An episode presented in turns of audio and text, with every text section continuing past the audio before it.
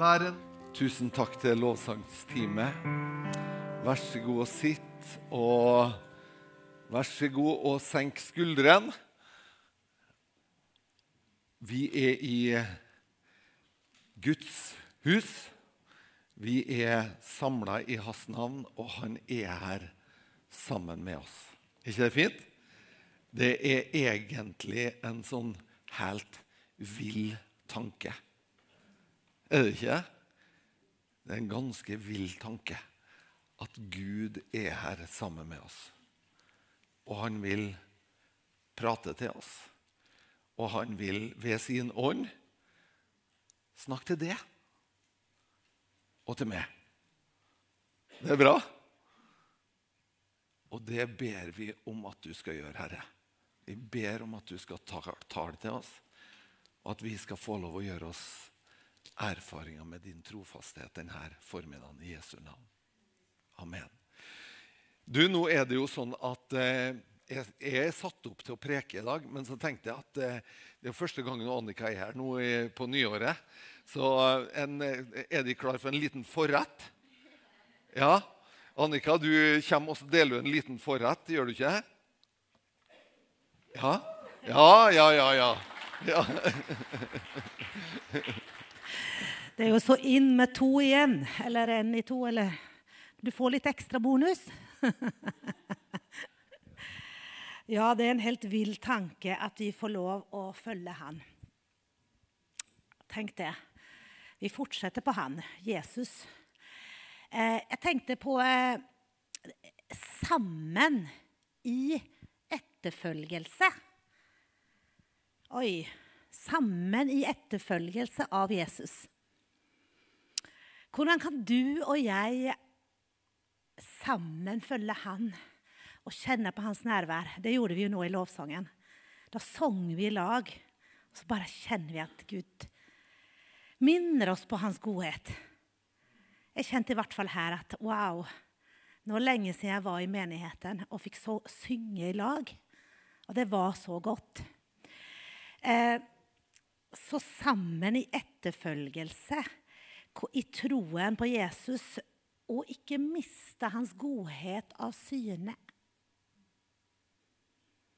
For vi har kjent at han elsker oss, og så er det så lett at det bare liksom At vi ikke blir minnet om det hver dag.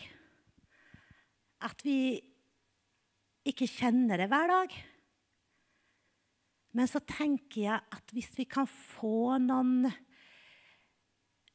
noen tips til etterfølgelse, så kanskje blir lettere å få kjenne hans godhet og hans nærvær og hans kjærlighet imot oss hver dag. Så derfor tenkte jeg OK, mm, sammen i etterfølgelse, hva kan man da si? Og da skal jeg si et ord som kan bli, du kan bli skremt av. Hvis vi har noen åndelige disipliner Ble du skremt av det ordet? Hvis vi har noen åndelige vaner La oss kalle det vaner.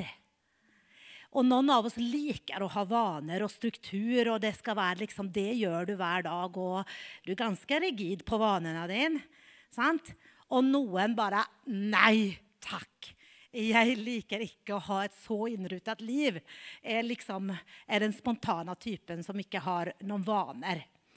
Eh, men det er godt å ha noen vaner av å trene, av å spise, av å sove, av å møte andre. Noen gode vaner. Og så har vi det med å ha noen åndelige disipliner, noen åndelige vaner. Kan det på en måte gjøre at jeg kjenner min etterfølgelse av Jesus blir nær?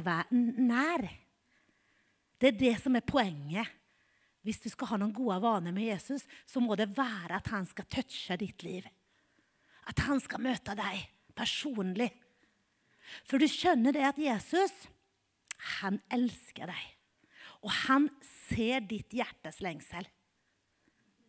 Han er så god på det. Å vite akkurat hva du trenger. Kanskje bedre enn du sjøl vet det. Og jeg vil si at selv om vi har unike livsbetingelser, unike livssituasjoner, så er han akkurat der.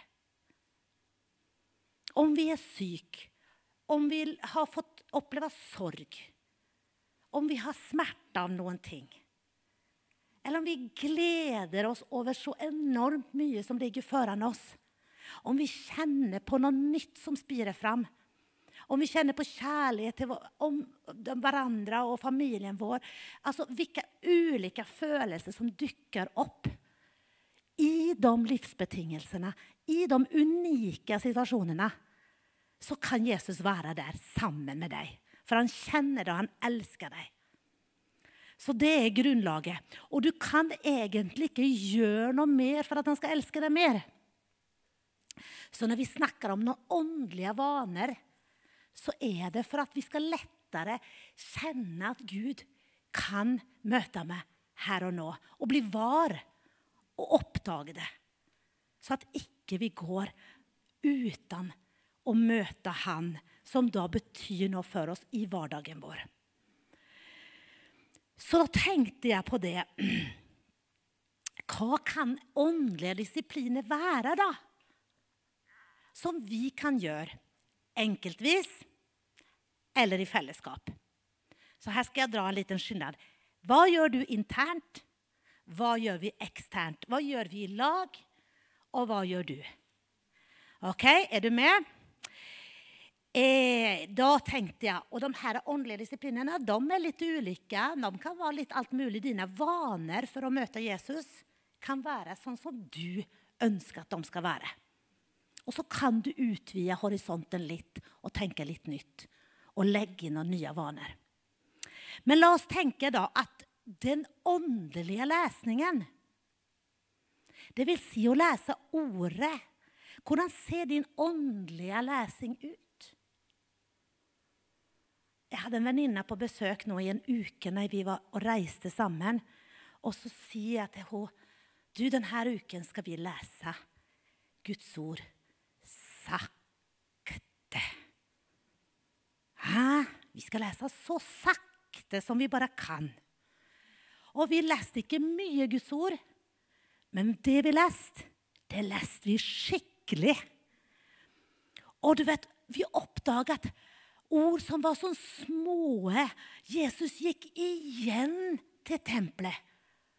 Han gikk igjen og så oppdaga vi situasjonen rundt Jesus på så ulike måter for at vi leste ordet så sakte.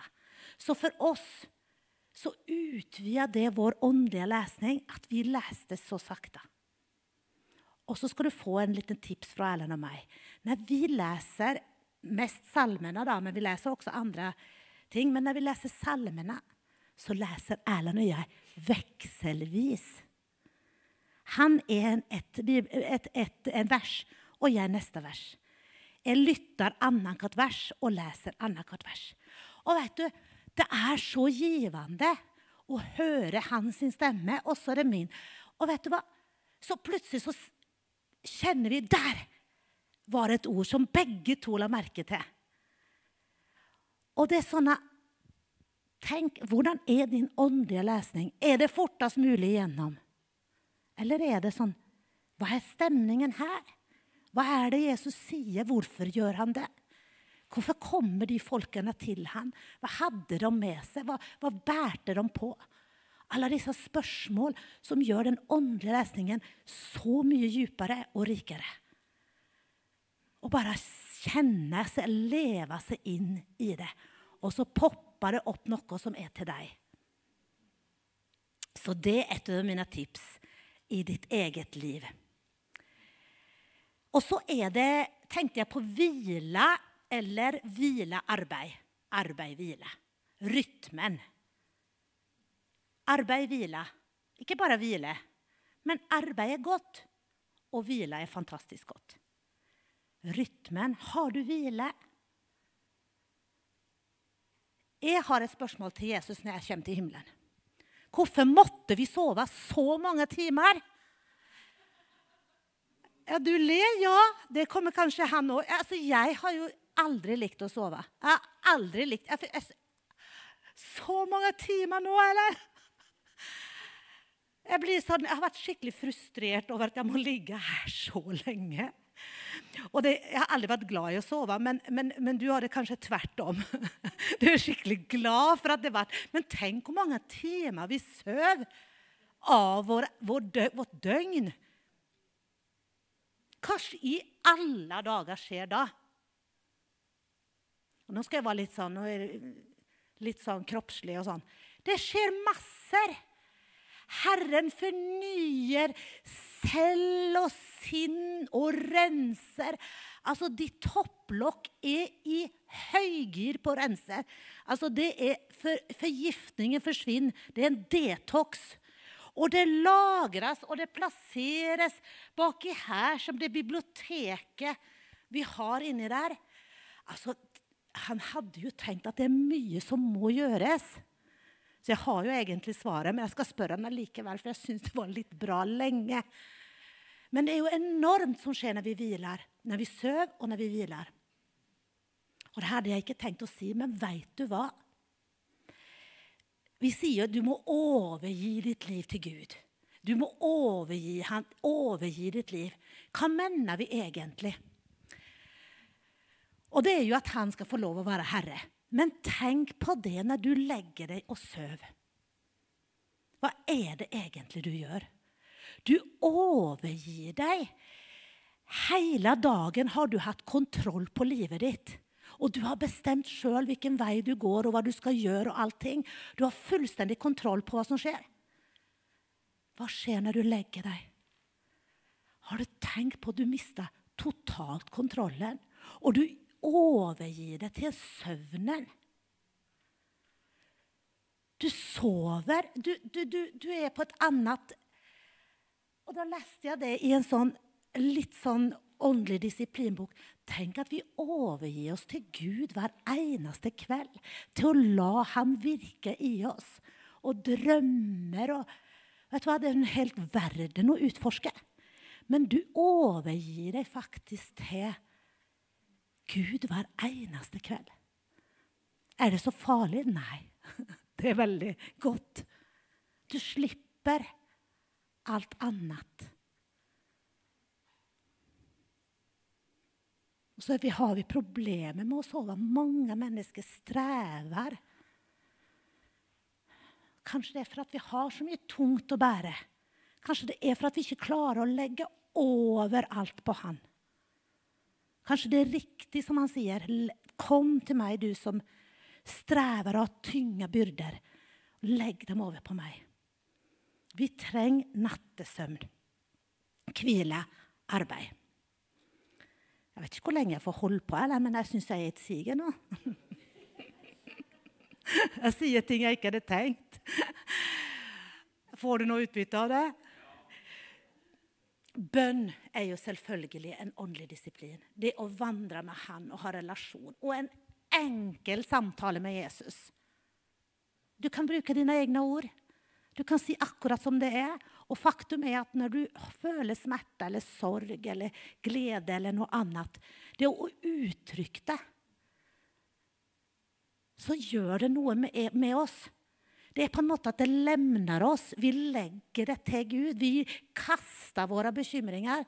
Vi tar dem ikke tilbake, men vi kaster dem. Og bønn har, er den effekten at den gjør noe med oss òg. Si det som smerter. Si den følelsen du har til Gud. Om den er god eller dårlig. Kom med den i en enkel samtale. Det er en vane. som er god for å lette ditt eget liv. Og så kan vi nevne faste. Det er noen som liker givertjenesten, den vi nettopp hadde i kollekten. Det er en vane, en åndelig disiplin, å gi noe av mitt til Han. Tilgivelse. Det å leve i tilgivelse. Vi sang det her. Det minner oss om at det er noe som letter òg. Så de her åndelige vanene de er bra for deg som menneske. Det er ikke så dumt, det som står i Bibelen. Det er ikke så dumme ting han kommer med. Han veit. Han har skapt oss. Han vet hvordan du fungerer. Du er menneske. Og så har han gitt deg oppskrift på det. Og så er det siste, som er det interne, som du også kan ta med deg i livet. Det er gleden og festen. I Gamle testamentet så hadde man fester, glede, høytider. Det er også en åndelig vane eller en åndelig disiplin å kunne glede seg og kjenne at det han skapte, var godt. Og det kan jeg glede meg over. Og så har du det vi gjør sammen. Det er bønn og tilbedelse i, i lag. Det er nattverden. Det er ordet som står i sentrum i gudstjenesten vår. Det er evangeliseringen, og det er fellesskapet. Men ingenting av det vi gjør, vil gjøre at Gud er mer glad i oss. Men det er for vårt velbefinnende, for vårt liv. Han kaller oss til å ha noen åndelige vaner. Å komme sammen i fellesskapet. Tenk at Bibelen også korrigerer oss. Ikke hold deg borte når menigheten samles. Det er en åndelig vane, for han vet at det er godt for oss med fellesskapet. Det er godt for oss å ha lange linjer i lag. Det er godt for oss å vite om hverandre over tid. Vi trenger hverandre. Vi er relasjonelle, og vi trenger hverandre. Og det må vi si i Norge 2024. Vi er ikke individualister. Vi er skapt for fellesskap. Så det er en god åndelig vane at vi har et fellesskap. Derfor ønsker vi i 2024 å være sammen 2024. På så mange ulike måter. Sammen i det jeg nettopp har snakka om. det. Og Den siste tingen jeg tenkte på, det var at hva gjør det med oss når vi er sammen? Hva gjør det når Erlend og jeg velger å ha tid sammen? Som ektefelle, som familie, som storfellesskap. Det skaper en trygghet mellom oss. Jeg hører til. Jeg forstår. Vi forstår hverandre mer når vi er sammen, når vi lytter. Vi får knytta bånd. Jeg merker det så stort når jeg får komme hjem til noen av dere og har vært hjemme eller sittet på kafé eller pratet over en kopp kaffe, og jeg kjenner deg. Det er noe helt annet enn at jeg ser deg her nå. Hvis jeg får lov å bare liksom bli kjent, komme hjem til Thomas og Anette, se barna, se hvordan de har det Jeg blir trygg. Det skaper forståelse, og jeg føler tilhørighet.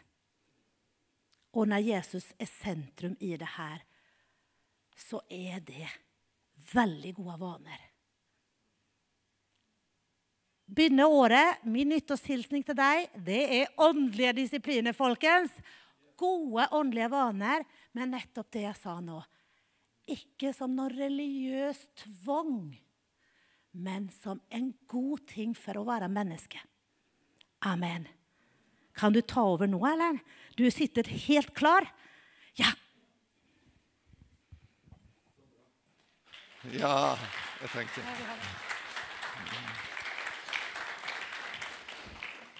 Tusen takk, fru Indergård. litt sånn Det er jo litt stas, da. Vi har det jo litt artig, da. Det må innrømmes. Og så kan jo jeg si, da, jeg som eh, eh, er litt sånn eh, spokesman, talsmann for en eh, disiplin som ikke har altfor mange venner for tida, og det er fasten. Den er jeg talsmann for. Eh, fordi at eh, det er alltid en grunn når Bibelen sier noe, det er det alltid en grunn. Men den, den, den har på en måte litt sånn dårlig rykte, den her. Fordi at eh, han er litt skummel, og så, en, og så har han med seg litt ubehag. Og det liker vi jo ikke. Vi liker jo convenience. Vi, vi liker jo å ha det godt. Eh, så derfor, så, men jeg er en talsmann for fasen. Fordi at fasen den gjør oss åndelig våken. Den gjør oss eh, alert, og den gjør utrolig mye med kroppen vår. Så nå har jeg begynt å være ærlig med folk. folk sier til meg jeg ser du, 'Ja, jeg ser du trener', sier de til meg. Og da føler jeg liksom Yes! Og så sier jeg nei, jeg gjør egentlig ikke det. Men jeg faster.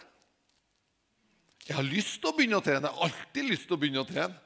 Jeg, har kjempelyst. Jeg syns det er godt å trene, men jeg gjør det altfor sjeldent. Men noe jeg gjør hver måned, det er å faste. Tre dager i begynnelsen av hver måned, første mandag, tirsdag og onsdag, da faster jeg. Og Så begynner jeg å lese litt om hva som skjer, og sånt der, og så sier jeg til en kompis av meg i Oslo Han er jo litt mer sånn Ja, han finner ut av ting, da. Så sier jeg du skal ikke bli med meg å faste. Og da må han leite opp hva som skjer. Og Så finner han f.eks. innlegg av nobelsprisvinner i medisin fra 2016 som forteller om kroppen sine fordeler med fasen. Når Jesus sier 'når dere faster', så er det en grunn til det. Alltid en grunn. Men det var ikke min tale, det her. da. Men, eh, men eh, det er lov. Spør meg hvis du er interessert i å høre om fasten, så, du, så kan jeg fortelle, forklare det. Skal jeg si litt, Annika? Skal, er de klar for en liten De vet jo at jeg er litt nerdete av og til. Så, hva? Ja, de liker det. Det er bra. Takk, takk Heidi. Um, du tar jo hånd om avfallsstoffer i kroppen din som kroppen ellers ikke får tid til å ta hånd om. Det skjer under fasten. Det som skjer når du begynner å faste, så er det sånn at det er litt ubehagelig til å begynne med. Fordi at tarmtottene er vant til å si ifra 'hallo, vi trenger mat'. Men etter, etter Det er egentlig andre dagen som er verst. For da føler du ubehaget med at du er veldig sulten. Da, da roper tarmtottene og så, og så er det ikke lett å si hysj, for de er fem millioner av dem inni her. Så, så, Derfor så er det liksom det, det er et kor du skal stilne, da, for å si det sånn. Sant? Men eh, det er jo Etter, etter første tolv timene så får du en insulinpeak. Og kroppen tar hånd om de matrestene og det som du har i tarmsystemet ditt. Etter 12-18 timer så begynner fettbrenninga i kroppen din. Da er det nyrene dine som omdanner fett, begynner å bryte det av fettlageret. Vi har Tipp hvor mye fettlager et gjennomsnittsmenneske har på kroppen sin. i kroppen og det. Jo, nok energi til ca. 40 dager. Det var veldig rart at Bibelen sa akkurat det. Det er jo litt sånn Sier du det? Ja, det kom som en overraskelse på oss alle. Så det skjer, eh, og så begynner insulinet å droppe ned igjen. Etter, etter 18-24 timer så er det ketosen som går i gang. Og, og, så skjer det noe som heter glukonrensning. Altså det, altså det som er så kult, da, det er at kroppen din får tida til å ta hånd om ting. Det er steintøft. Er det ikke? Nå snakker jeg kun om de kroppslige fordelene, ikke åndelig i det hele tatt. Og jeg er ingen lege, altså. Så dette er oppgulp av noen andre som har fortalt meg, som har peiling. Eh, så da begynner jeg å rense det. Og så, etter 24-48 timer, så begynner noe som heter autopati. Da går kroppen inn på cellenivå og begynner å rense ut avfallsstoffer. Ting som har dødd. Det er masse celler i kroppen som dør. Begynner å rense ut det. Her er min personlige erfaring. Når jeg begynte å faste for noen år siden så, Dette kan høres litt nasty ut, men eh, sånn er jeg. Så lukta ånden min helt forferdelig. Det var liksom sånn Jeg gikk forbi, og så visna blomstene. Det det var ille. Svetten lukta helt grusomt. Og når jeg gikk på do og pissa, så lukta det helt forferdelig.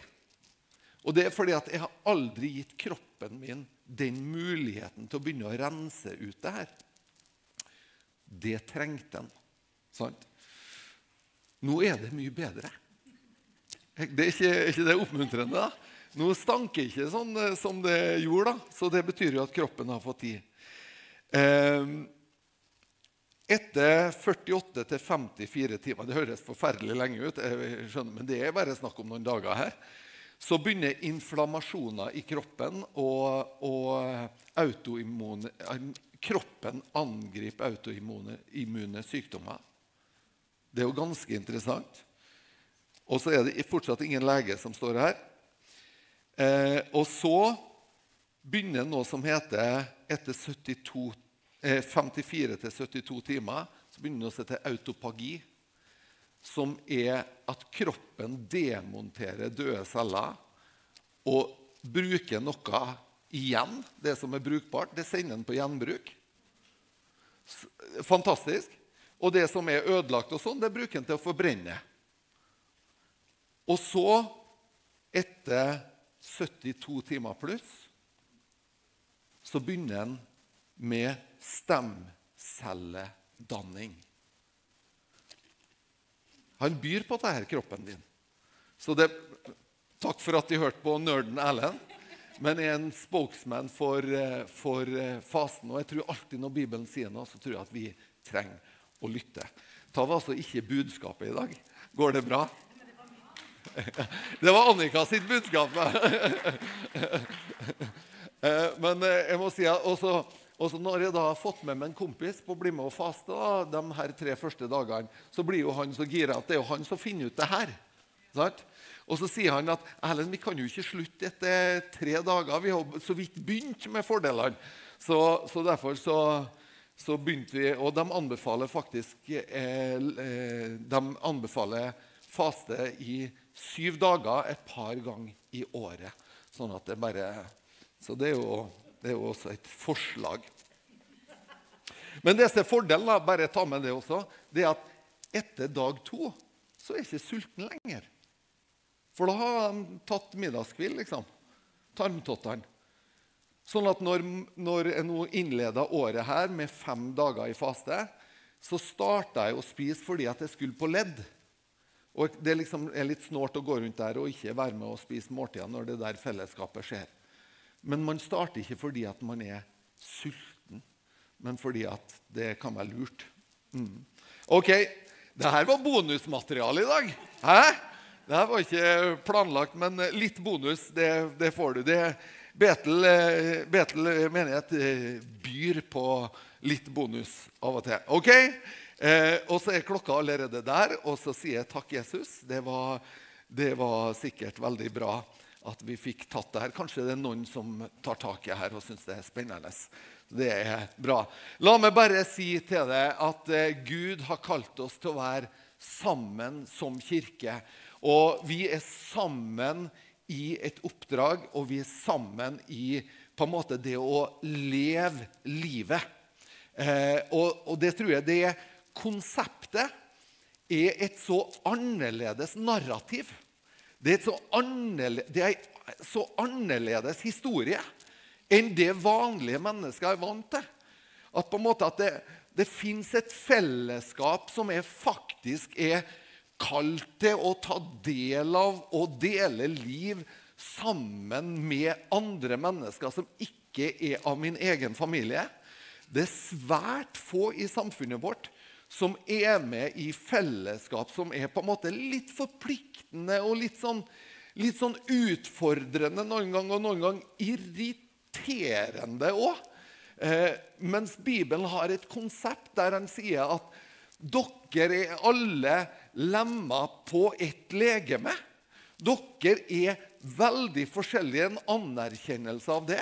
Men samtidig så er det en sånn Men allikevel. Sant? Hvis vi tenker i hvert fall vårt individualistiske samfunn, som vi er en del av, der på en måte den, Du er på en måte din egen lykkes smed. Hva du gjør med livet, er jo opp til det, og det er det jo på en måte i kirke også. Men, men det bibelske narrativet er allikevel at du har noe å hente på å våge å, å være sammen. Du har noe å på å våge å være sårbar overfor andre mennesker. Det er liksom ikke sånn at vi er kalt til å komme, komme til en kirke, og så der tar vi på oss masker for å vise hvor fullkommen vi er, eller hvor dyktige vi er, eller hvor, liksom, hvor, eh, hvor vi har alt på stell. og i hvert fall altså, Sånne kirker der alle er fullkommen, de blir veldig kjedelige. Fordi at jeg tror at de aller fleste sine liv slettes ikke er fullkommen. Og da snakker jeg om mitt eget inklusivt. Er det noen som gjenkjenner det var, Nei, det var, kanskje jeg kommer til feil kirke nå. Nei. ok. Eh, Filippe-brevet så står det Vi skal lese der noen vers fra det andre kapitlet og fra vers 1 til 4. Derfor, om det da er noen trøst i Kristus, om det er noen oppmuntring i kjærligheten, og om det er noe samfunn i ånden, om det er noe hjertelag og barmhjertighet, så gjør min glede fullstendig ved å ha det samme sinnelag og den samme kjærlighet. Vær ett i sjel og ha det samme sinn.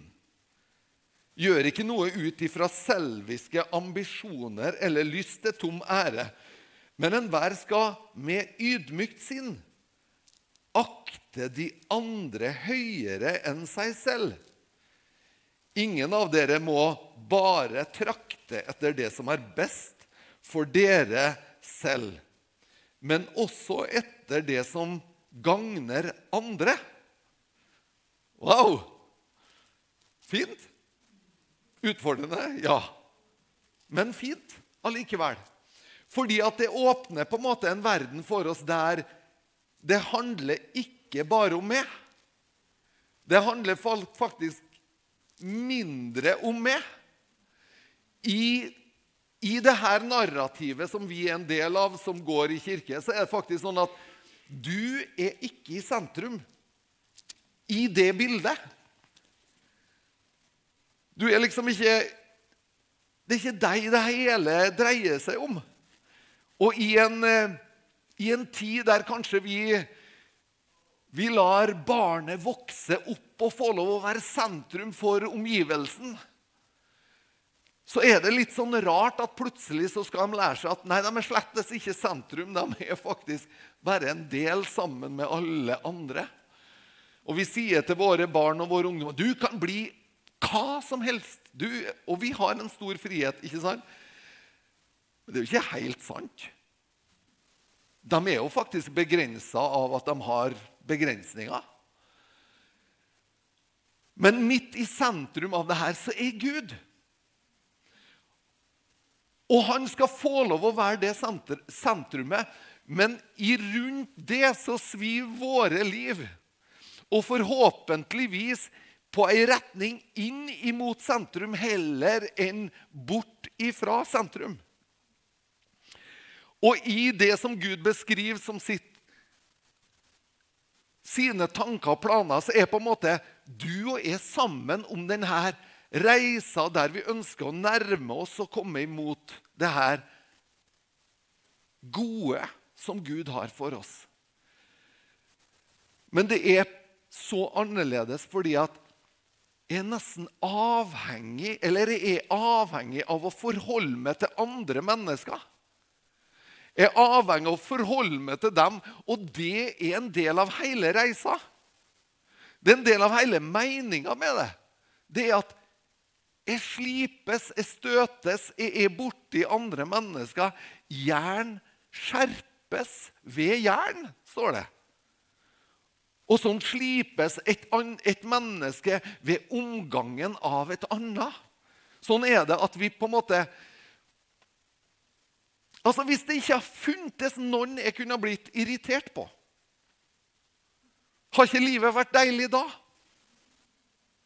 Her, hvis det ikke var noen jeg kunne irritere meg litt på, eller hvis det ikke var noen som tråkka meg på tåa eller sa noe feil til meg, da hadde jo livet vært fantastisk. Men det er bare at Gud han tar oss med på ei reise der du og jeg må forholde oss til andre mennesker. Og vi er nødt til å forholde oss til sånn som de tenker, selv om de tenker annerledes enn oss. Og det er jo feil å tenke annerledes enn meg. Sant? Men akkurat det her er det Gud tar med i forminga av meg. Sånn at jeg kan lære meg å la åndens frukter vokse fram. Hæ? En gang så hørte jeg til og med det at eh, Gud har ikke innstifta ekteskapet for at du skal bli lykkelig. Han har gjort det mer for at du skal bli hellig. Da gikk det opp et lys for meg. Nei da.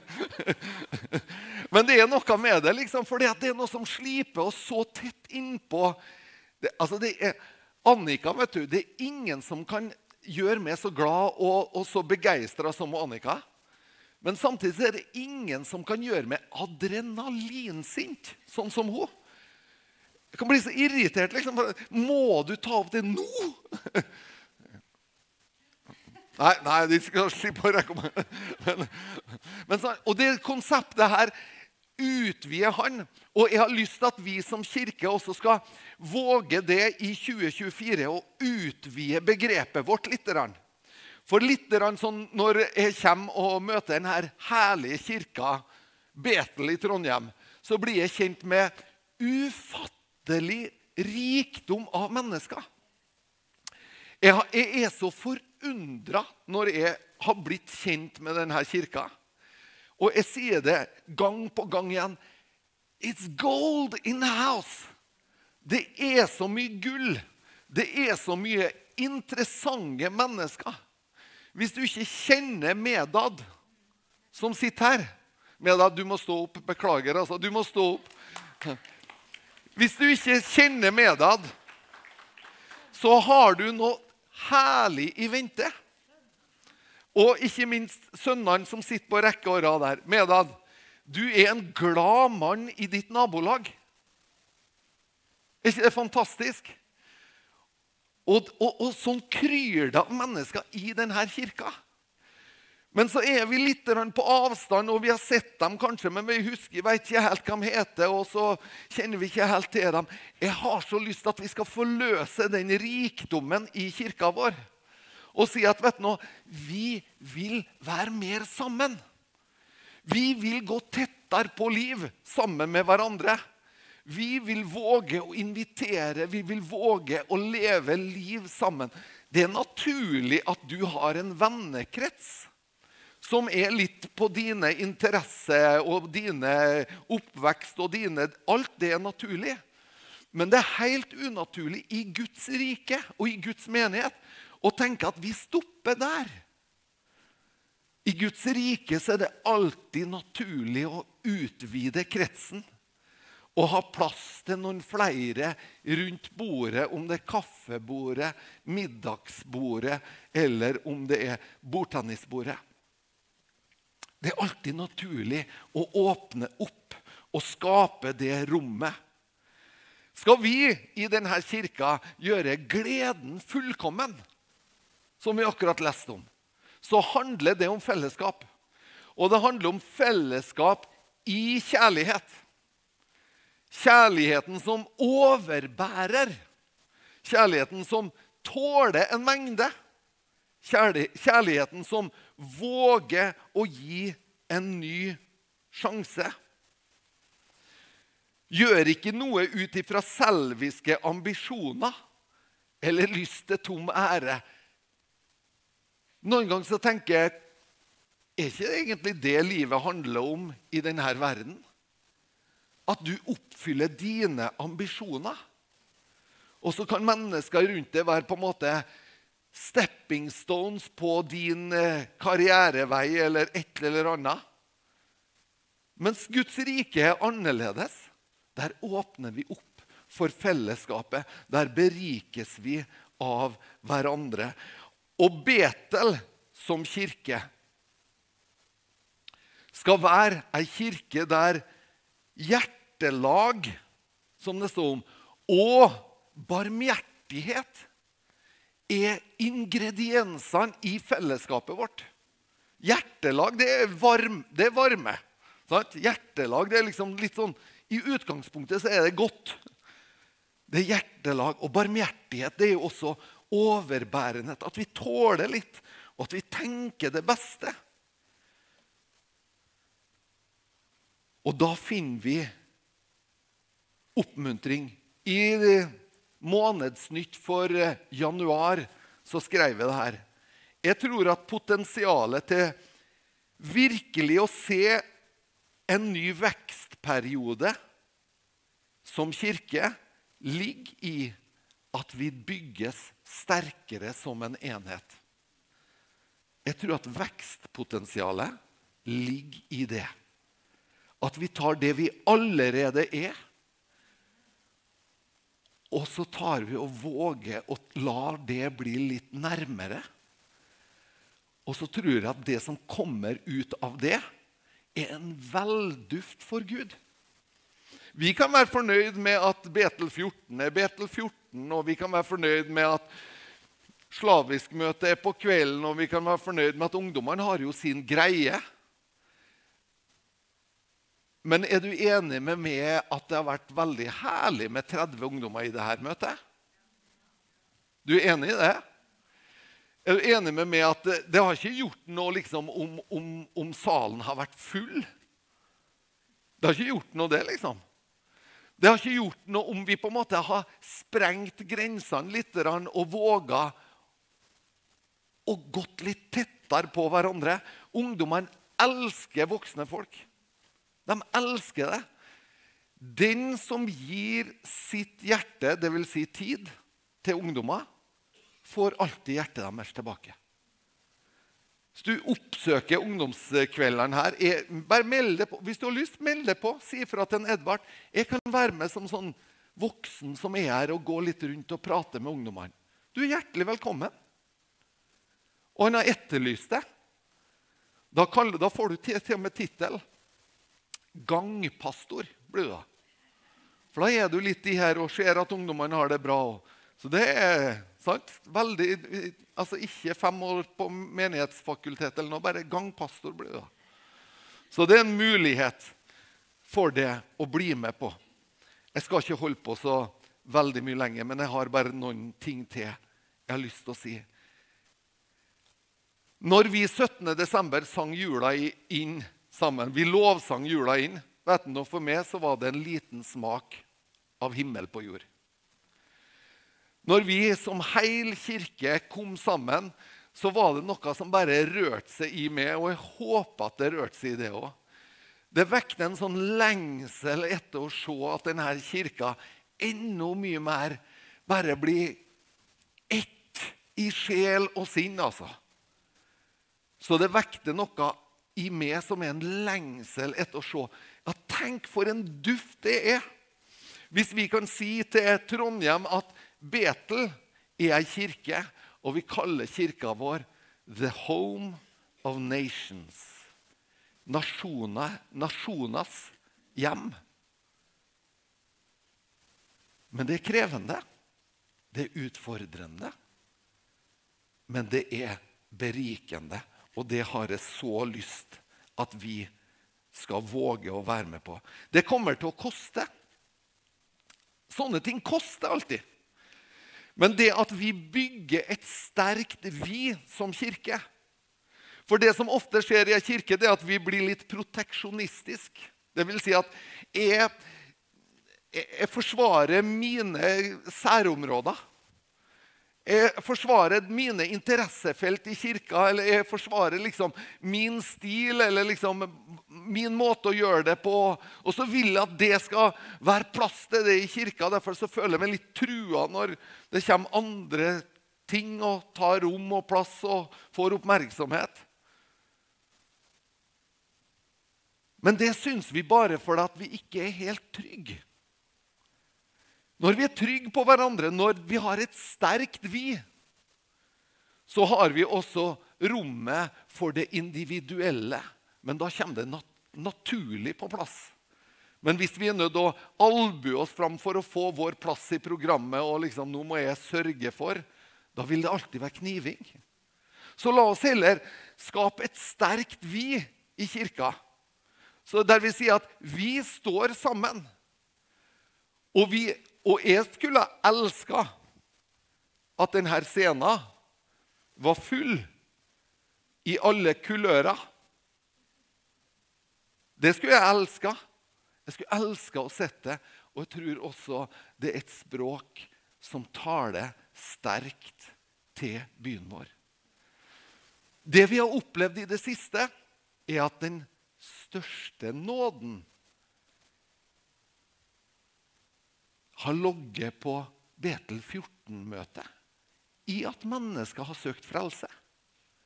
Det har vært helt fantastisk å se det at unge norske menn søker seg til Betel 14 søndag etter søndag. Sist søndag hadde jeg privilegiet å preke på Betel 14. Tre unge norske norsk-etniske, tenker jeg da, for vi er jo norsk hele Men norsk, etnisk norske søker frelse. Er ikke nydelig? De kommer, og så kommer de neste søndag, og så er det to av dem en søndag. Og så har de tatt med en kompis, og de plutselig fem. Jeg tror de var sju forrige søndag. Det er jo litt nydelig. Vi må bare si halleluja. Jeg sa det rett ut. Sa jeg til halleluja? Ja. Et sterkt vi gir rom for trygghet for det personlige og det særegne. Mens et svakt vi da må det personlige og særegne forsvare sin plass. La oss elske hverandre. La oss elske hverandre. La oss elske forskjellighet. La oss elske å være nysgjerrig på hverandre sine livshistorier. La oss interessere oss og stille spørsmål. Fortell meg hvem er du? Hvor kommer du fra? La oss bli kjent med hverandre. I 2024 tror vi at vi har fått en tiltale, om jeg kan våge å si det, på at vi som kirke skal være sammen i kjærlighet. Jeg har lyst til å avslutte med å be. Takker Herre Jesus at du har mye mer oversikt over det her enn hva noen av oss har. Men vi kan allikevel si i våre sine hjerter et ja til det du kaller oss til. Og Jeg ber Herre om at du skal gi oss styrke og nåde til å våge å tenke utover, Herre. Våge å tenke inkluderende. Våge å tenke i de her livgivende banene, Herre. Hjelp oss sånn at vi ikke beskytter vårt eget og vårt eget domene og hva det nå måtte være. Hjelp oss å vokse sammen som ei kirke i kjærlighet. I Jesu navn. Amen. Amen. Det var Hei, og takk for at du har sett på eh, en tale fra Betel Trondheim. Nå kanskje du sitter igjen med spørsmål og et behov for å snakke med noen. Da er du hjertelig velkommen til å ta kontakt med oss. Du er også hjertelig velkommen til å komme og ta del av gudstjenestene vår, eller det som skjer i ungdomsarbeidet eh, i kirka vår. Jeg tenkte at jeg hadde lyst til å avslutte med å lyse Herrens velsignelse. Så vær så god, ta imot. Herren velsigne det og bevare det. Herren la sitt ansikt lyse over det og være det nådig. Herren løfte sitt åsyn på det og gi det fred.